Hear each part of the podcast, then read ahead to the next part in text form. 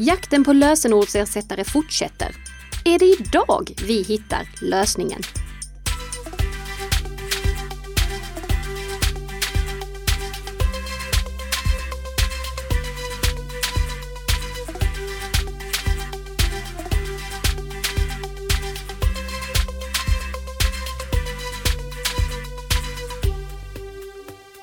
God morgon, god morgon Nika! God morgon, god morgon Tess! Och god morgon till alla lyssnare. Ja! Alla våra kära lyssnare Alla som tunar in lyssnare. till oss för den 55 gången. Hur, eh, hur är det med eh, din träningsverk, eh, Nika? Inget vidare kan jag säga. Nej. Det, är- jag, jag, alltså det är sån här god träningsverk, men jag hade ju svårt att resa mig från soffan där vi satt och planerade.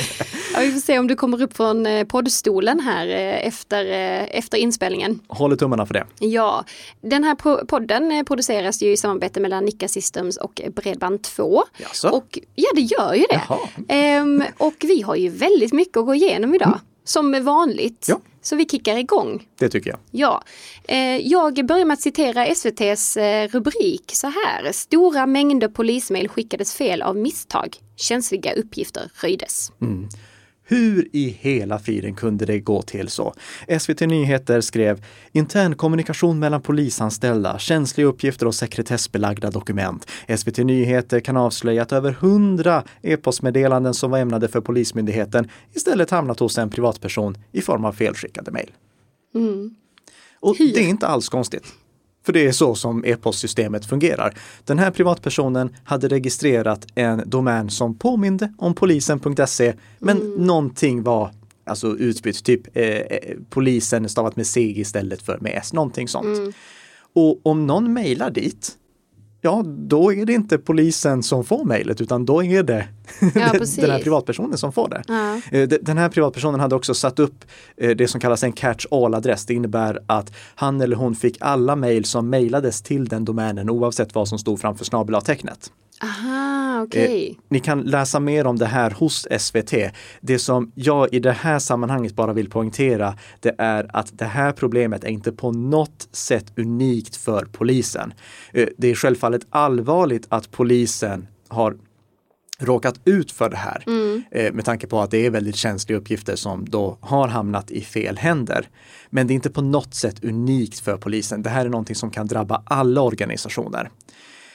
För att bevisa det så var jag lite busig. Okej. Mm. Så jag kollade hur många registrerade felstavningar som fanns av polisen.se.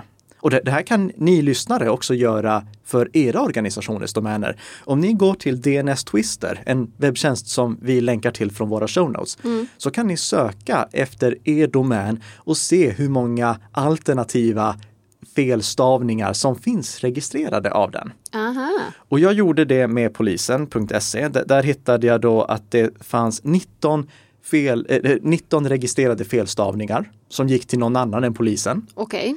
Och det fanns förslag på 244 domäner som man kunde registrera ifall man ville ha en alternativ registrering av polisen.se. Oj, ja. Eh, Det, det, det är ju självfallet omöjligt för polisen att registrera alla dessa adresser. Det här var dessutom bara .se-adresserna. Kan tänka mig att det är någon som råkar mejla till .com eller någonting sånt en gång.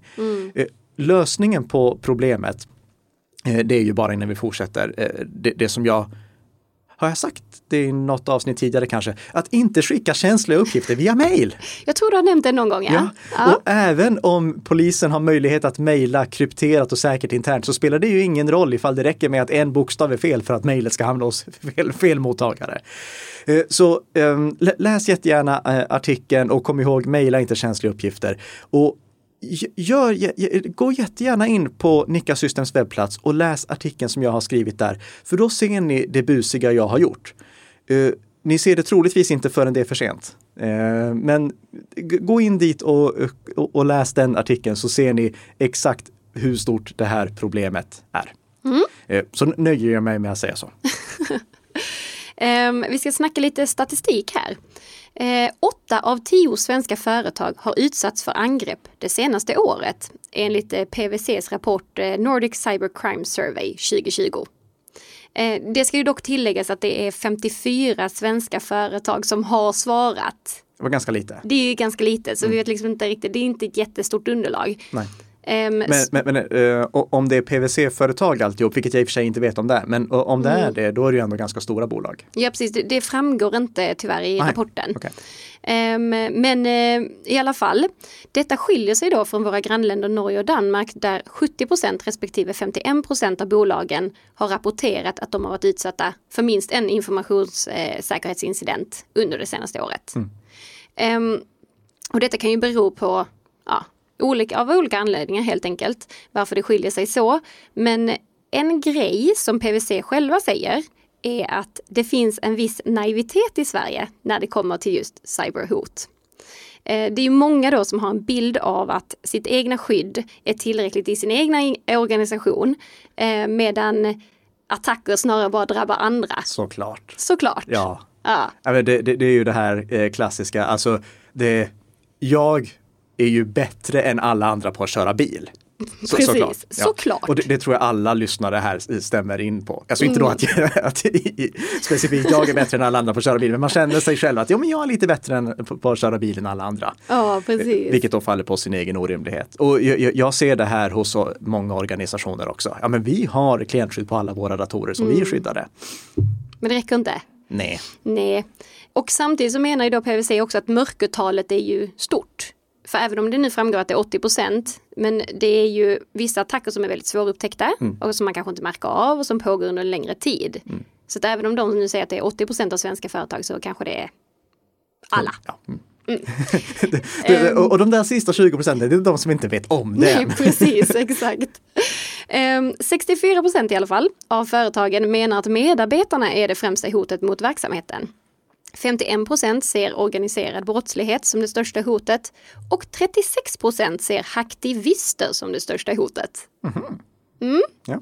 Ja, eh, att medarbetarna är det största problemet, det håller jag absolut med om. Eh, Det, i, I min roll som eh, script kiddie och dålig programmerare så är det mycket, mycket lättare att attackera organisationen genom medarbetarna än att göra det genom tekniska lösningar. Ja, och det framgår också här att de, eller bolagen, eh, 75 procent av bolagen har nämnt nätfiske som den mest förekommande händelsen då. Ja. Ja. Och det, det stämmer väl överens också med eh, internationella rapporter. Det är nätfiske som är lättaste vägen in. Och här känner jag att du har ju en, en nyckelroll i det hela.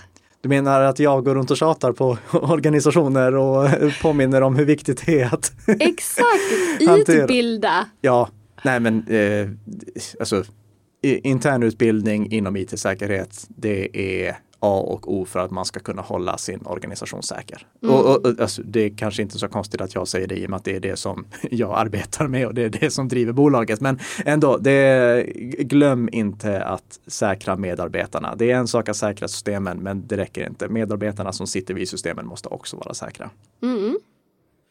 Eh, och där lämnar vi PVCs rapport. Eh, vi har haft en tisdag. Och det är inte vilken tisdag som helst. Nej, just det, det är en patch-tisdag. Jajamän, vad Ja. har vi där då? Eh, där har vi en hel, alltså, jag får säga, det, det här är en typisk standard patch tisdag ändå. Okej. Eh, så vi har 99 sårbarheter i Windows som är åtgärdade.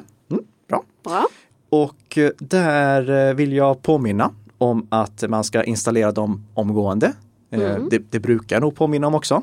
Eh, Men jag påminner extra mycket om det den här gången eftersom eh, de här sårbarheten, eller de här uppdateringarna åtgärdar bland annat den här sårbarheten som vi pratade om tidigare som redan används i aktiva attacker. Lägger med en länk till det tidigare avsnittet där vi pratade om det. Eh, Så eh, det är alltså en sårbarhet som åtgärdas som redan används i aktiva attacker som är synnerligen allvarlig. Dessutom så är det fem av de här sårbarheterna som redan är publikt kända.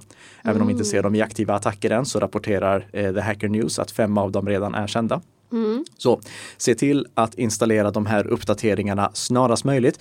Och det är väldigt lätt att göra om du nu inte som av en händelse fortfarande kör Windows 7. Nej, va? För släpptes de här uppdateringarna till Windows 7? Nej, nej, nej, nej, nej. Nej, men jag tror inte att någon av våra lyssnare fortfarande kör Windows 7, för vi har ju poängterat i flera avsnitt vad man kan göra för att uppdatera sina datorer och vilka alternativ som står till buds. Men om det skulle vara så att ni ser någon Windows 7-dator som står i ett hörn då är det definitivt hög tid att ta den offline nu, alltså koppla bort den från nätverket, för den får inte längre säkerhetsuppdateringar om man inte tillhör någon av de organisationerna som betalar för att få det utökade underhållet från Microsoft. Man kan ju som organisation, eh, i vissa sammanhang, inte i alla, men eh, köpa förlängt underhåll i upp till tre år för de här priserna som vi tog i avsnittet som handlade om alternativen som står till buds för gamla Windows 7-datorer. Mm. Och förresten, jag vill också passa på att poängtera här nu, för det, det här har jag sett på flera ställen. Eh, Microsoft släpper fortfarande eh, uppdateringssignaturer eh, eller signaturuppdateringar till eh, sitt eh, klientskydd eh, Microsoft Security Essentials och Windows Defender ja. för Windows 7. Ja. Det innebär alltså inte att man kan fortsätta köra Windows 7. F-Secure, Bitdefender och de andra, de släpper också fortfarande säkerhetsuppdateringar och signaturuppdateringar till sina klientskydd. Men det är alltså någonting som gagnar de organisationer som betalar för att fortsätta få Windows 7-uppdateringarna från Microsoft. Mm. Google, Mozilla, de fortsätter underhålla sina webbläsare. Det är igen för de organisationer som betalar för att få det utökade underhållet till sina Windows 7-datorer. Det här är alltså inte någonting som säger att en vanlig konsument kan fortsätta köra Windows 7. För även om man har ett jättebra klientskydd så ersätter det inte säkerhetsuppdateringar. Du måste täppa till hålen. Du ska inte förlita dig på att ditt klientskydd räddar dig vid eventuella infektioner. Klientskyddet är bara ett extra skyddsnät. Så ni kan inte dra slutsatsen att man kan fortsätta köra Windows 7 eftersom Microsoft ändå fortsätter tillhandahålla signaturuppdateringar. Ja. Eh, så eh, ja, vi har också tjatat tillräckligt om att man inte ska köra Windows 7. Det finns uppdateringar till Office 2010, se till, äh, eller hela Office-sviten, Office 2010 och därefter. Kom ihåg att Office 2010 går ur tiden nu i oktober, så om du inte har uppdaterat så se till att uppgradera till en nyare version av Office än 2010 innan det är för sent. Mm. Och sen har vi såklart Adobe också. Jaha, vad så, har vi där då? Eh, 42 stycken sårbarheter i Adobes program, framförallt i Acrobat Reader ni vet vad som gäller. Se till att uppdatera och om ni inte behöver ha Acrobat Reader installerat så använd eh, operativsystemets inbyggda pdf-läsare istället. Ha den i alla fall som standard istället mm. för att ha Adobes pdf-läsare Acrobat Reader som standard. Den är väldigt funktionell, men den är också väldigt sårbar. Ja. Och vi lämnar eh, nyheterna nu då. Mm. För nu ska vi fortsätta på då, jakten på lösenordsersättare. Ja. ja, nu är det dags för det sista alternativet. WebAuthn. WebAuthn. Det är lite störigt att det är svåruttalade namn på alla de här tjänsterna. Ja, jag får säga det, det är det första problemet med WebAuthn. det, alltså det, det stavas uh, W-E-B-A-U-T-H-N, alltså en förkortning för Web Authentication. Mm. Men det är ju inte något lite catchigare namn än WebAuthn.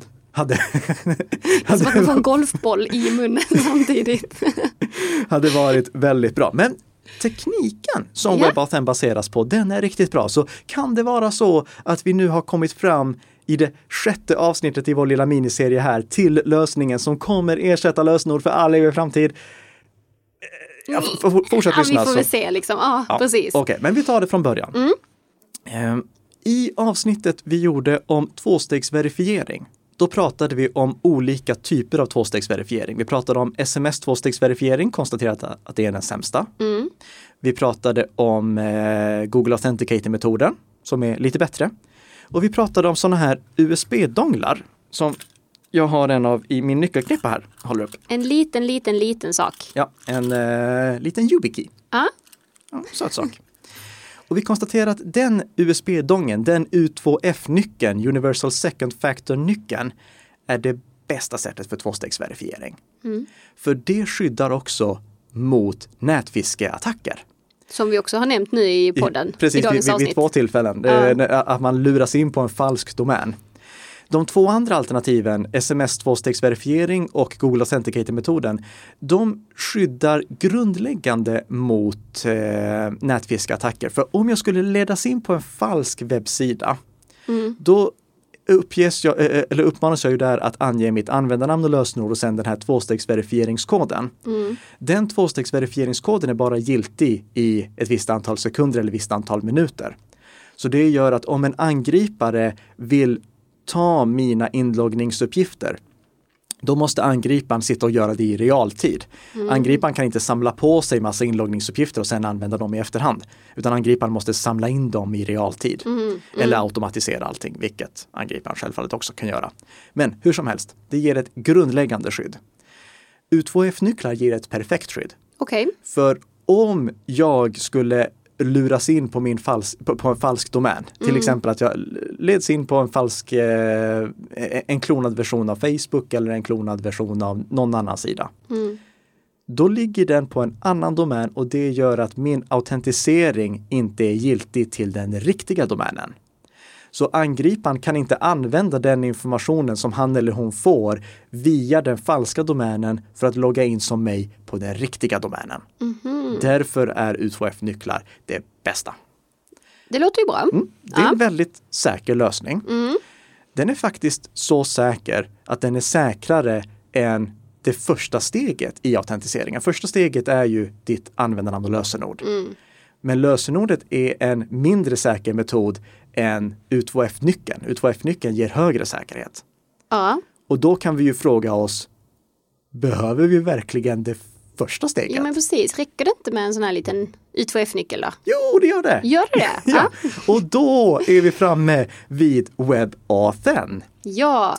För WebAuthn gör att vi antingen kan eh, logga in med tvåstegsverifiering så som vi har pratat om. Mm. Eller så kan vi använda en stark singelfaktorsautentisering, en, e, ett enstegsverifieringssätt. Mm. Alltså vi bara har en sån här USB-dongel som vi trycker in i datorn eller mobilen. För den är tillräckligt säker i sig. Precis som att eh, Squirrel är tillräckligt säkert i sig så är den här dongen tillräckligt säker i sig också för att jag inte ska behöva någonting annat. Du visade ju mig innan vi började spela in här ja. hur du registrerade. Visst var det simpelt? Ja, det var jätteenkelt. Ja. Kan inte du bara gå igenom det lite snabbt? Jo. Uh, Tess gick till en sida som stödde WebAuthn. Mm. Och det är inte jättemånga som gör det. Som gör det för bara singelstegsverifiering, för bara eh, enfaktorsautentisering. Mm. Eh, det, det, används mycket fortfarande för, eh, eller redan, för flerstegsverifiering där det är det andra steget. Men eh, om ni går till den, eh, den sajten som vi länkar till från våra show notes, då kan ni se hur simpelt det är att skapa ett konto och använda det kontot med bara WebAuthn utan något lösenord. Mm. Så, Tess gick till den här sajten. Ja. Och där valde du ett användarnamn. Precis. Och därefter så tryckte du på registrera. Mm. Du satte in en USB-dongel i datorn. Det gjorde jag. Tryckte på USB-dongeln. Mm. Skrev PIN-koden som hör ihop med USB-dongeln. Mm. Alltså har inte någonting med sajten att göra utan bara med USB-dongeln. Precis. Och då hade du registrerat ditt konto. Mm, det gick himla smidigt. Ja. ja. När du sen skulle logga in någonstans, då gick du bara till samma sajt. Mm. Från vilken enhet du nu än vill. Det, eh, idag så stöds WebAuthn av alla de stora webbläsarna. Till och med Safari på iOS fick stöd för WebAuthn i den senaste uppdateringen, mm. iOS 13.3. Så nu, nu, är det här liksom, nu, nu finns det här överallt. Ja. Nästan. Nästan. Mm. eh, och eh, då skrev du in ditt användarnamn. Ja. Du uppmanades att sätta i eh, din eh, lilla dongel, ja. kopplade in den, skrev din pinkod och så var det klart. Mm. Du var inloggad. Precis, och sen fanns det, det finns ju ett annat alternativ också. Det, det, det finns fler alternativ, mm. absolut. Jag ska komma till det alldeles strax. Men det här är alltså principen som mm. används. Den här standarden, den är framtagen av V3C. Det är de som sätter webbstandarderna. Okej. Okay. Eh, och de har gjort det här till en riktig webbstandard. Det här är alltså inte Squirrel, en egen lösning, utan det här är en webbstandard. Mhm. Punkt. Mm. Det innebär att det här har potential att slå igenom. Den är dessutom framtagen i samarbete med Fido Alliance. Och vad är det? Det är en liten allians med organisationer där vi bland annat hittar Google, Microsoft, Intel, Facebook, Amazon och sedan tidigare den här veckan också Apple. Alla de stora Alla jättarna. de stora. Mm. Det här har alltså potential att slå igenom. Mm. För alla de stora är ombord på den här lösningen. Ja. Eh, det som talar mot den möjligtvis, eh, det är att det är en extremt bred standard som egentligen kan göra allt. Okej, hur menar du då? Du får kombinera precis vilka autentiseringslösningar du vill på vilket sätt som helst. Det är upp till den som driver sajten att välja hur det här ska användas.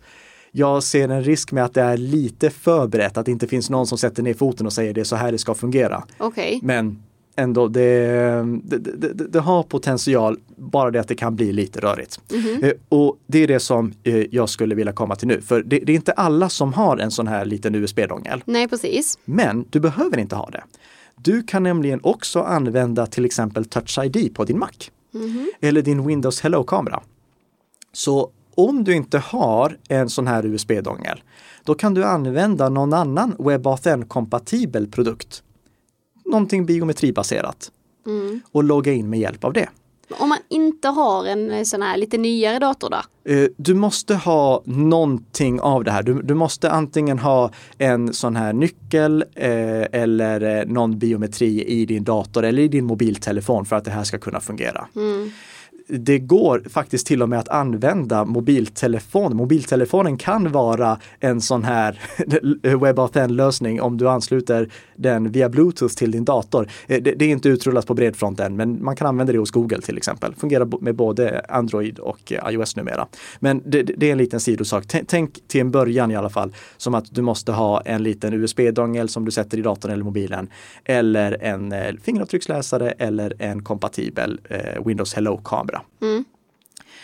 Så det använder du för att logga in, för att autentisera dig. Ja. Och i- i- kan också flika in här, innan någon blir orolig så kan jag säga att det är inte någon biometridata som lämnar enheten. Det är alltså inte så att eh, WebAuthn bygger på att du laddar upp ditt fingeravtryck till alla sajter som du ska logga in på. Det, det behöver du inte vara rädd för. Nej. Eh, utan eh, det är bara för att autentisera dig lokalt och be- bekräfta att du är du. Uh, ungefär som med PIN-koden. PIN-koden är också bara för att bekräfta att du är du så att inte någon annan kan sno min sån här USB-nyckel och logga in överallt där jag har registrerat den. Ja, okej. Så det, det, det är bara en extra skyddsmekanism eh, för att eh, ja, jag, ska stärka att jag är jag. Jag laddar inte upp den informationen någonstans. Allt det här låter bra än så länge tror jag. Ja, absolut. Ska vi ta det tråkiga? Ja, det tycker jag. Eh, det är ett problem som uppstår om jag tappar bort min USB-nyckel. Ja, vad gör du då? Då kommer jag inte in. Nej, och det, det är inte bra det här va? Det är strikt negativt. Mm, det är det. Så det jag egentligen måste göra Du då, hade, om du har biometrisk inloggning, då kan du fortfarande? Ja, precis. Eh, under förutsättning att jag också har registrerat den biometriska inloggningen. Aha. För eh, när jag skapar ett konto på en WebAuthn-sajt så kan jag då registrera min USB-dongel. Och sen kan jag också registrera till samma konto min eh, Touch ID-sensor på macken. Ja, Och jag kan registrera en till USB-dongel. Det, det, det är så jag har gjort. Jag, eh, jag har registrerat flera USB-donglar, både den som jag har i nyckelknippan och den som jag har i reserv ifall jag skulle bli utelåst. och detta är då någonting som du behöver göra varje gång På varje sajt. på varje sajt? Ja. Och- Det är alltså inte så att jag kopplar ihop så att alla mina USB-donglar och mina fingeravtrycksläsare och liknande eh, på något sätt är gemensamma. För det, det, det finns ingen sån centralisering. Utan om jag skapar ett konto på en sajt, då måste jag sen till den sajten också registrera mina alternativa WebAuthn-komponenter. Oj, alltså ja, vad jobbigt. Ja. För det kommer jag ju säkerligen missa att göra på någon sajt. Ja, men, men hur, okej, så vad ska man göra då? Eh, det- Vad det- det- kan man göra någonting då? Om, låt säga att du bara har en, så här, jag, en dongel om, om liksom. jag bara har en dongel Ja. och jag tappar bort den dongeln, då är jag utelåst. Okej, Det finns ingen nödåtkomstkod här eller någonting sånt. du kan inte återställa kontot då heller eller så? Nope. Nej? Inte om sajten som jag loggar in på har valt uteslutande WebAuthn. Okej, Om det bara är det, då finns det inget annat sätt. Mhm. Men det finns ingen sajt som kommer göra det. Ingen sajt som drivs professionellt kommer, eh, eh, okej, synnerligen få sajter som drivs eh, eh, professionellt, kommersiellt, har ett vinstintresse, kommer inte att riskera att deras användare låser ute sig på det sättet. nej. Så de kommer ha någon alternativ lösning också. Mm. Till exempel ett lösenord. Ja, Eller en magisk länk. Men någonting som så den gör kan att inte riktigt stå på sina egna ben. det, det var väldigt bra formulerat. Det, det, det, är det stora problemet. För att om jag inte har, eh, alltså jag, jag, har ju en backup-dongel också för säkerhets skull. Ja. Men om jag inte hade haft det, och jag vet inte jättemånga som går runt och, eh, som går och köper två stycken sådana här donglar för att kunna å, åstadkomma Nej. den här lösningen. Eh, Då, då står den inte på egna ben. Det, det är ett problem som inte är löst. Det, det måste finnas något backup-sätt också för användarna att kunna logga in. Mm.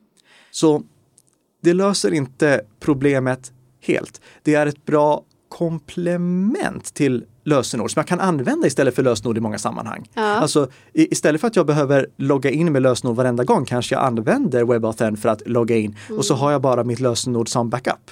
Eller i organisationer kanske man implementerar WebAuthn och om någon av användarna tappar bort sin dongel eller glömmer den hemma på morgonen, då kan de gå till helpdesken och få en ny dongel som de kan använda. Ja. Någonting sånt. Men det löser inte hela problemet. Så vi måste fortfarande ha något alternativt sätt. Men tänk, om, av alla de här lösningarna som vi har pratat om i de tidigare avsnitten. Är det, är det ändå den här som du känner att yes, den här hade ändå, är det den bästa och säkraste lösningen? Det är en jättebra lösning. Ja, Den är synnerligen snyggt gjord. Den har grym potential tack vare att det är en webbstandard, tack vare att Fido Alliance nu omfattar alla teknikjättar. mm, Så den har extremt stor potential. Men kan den ersätta lösenord? Nej, den Nej. kan komplettera lösenord. Låt oss ta våra fem punkter som vi har haft genomgående för de här sex avsnitten också. Okej, legitimering. Mm, inte mer än eh, lösenord. Alltså du kan ha ett konto som redan är legitimerat på något annat sätt, men du kan inte legitimera det genom den här lösningen. Återställning. Det är problemet. Det finns ingen ordentlig återställningslösning. Du måste ha flera donglar och du måste då trycka in båda donglarna på alla konton. Så å- återställningen, de- den, den fungerar inte. Hur är det med centralisering? Den är fantastiskt bra. Det här är helt decentraliserat. Det finns ingen central inloggningsserver som allting måste gå igenom. Eh, Och det finns inte någon eh, central makt som styr över allt det här, utan det här är direkt kommunikation mellan dig och sajten som du ska logga in på. Så det är jättebra. Eh, läckagerisk. Ingen läckagerisk. Du riskerar inte att läcka någonting. Och sajten som ansvarar för att hemlighålla dina lösenord normalt sett riskerar inte heller läcka någonting, för de kan läcka de publika nycklarna utan att någon angripare kan göra någonting med dem.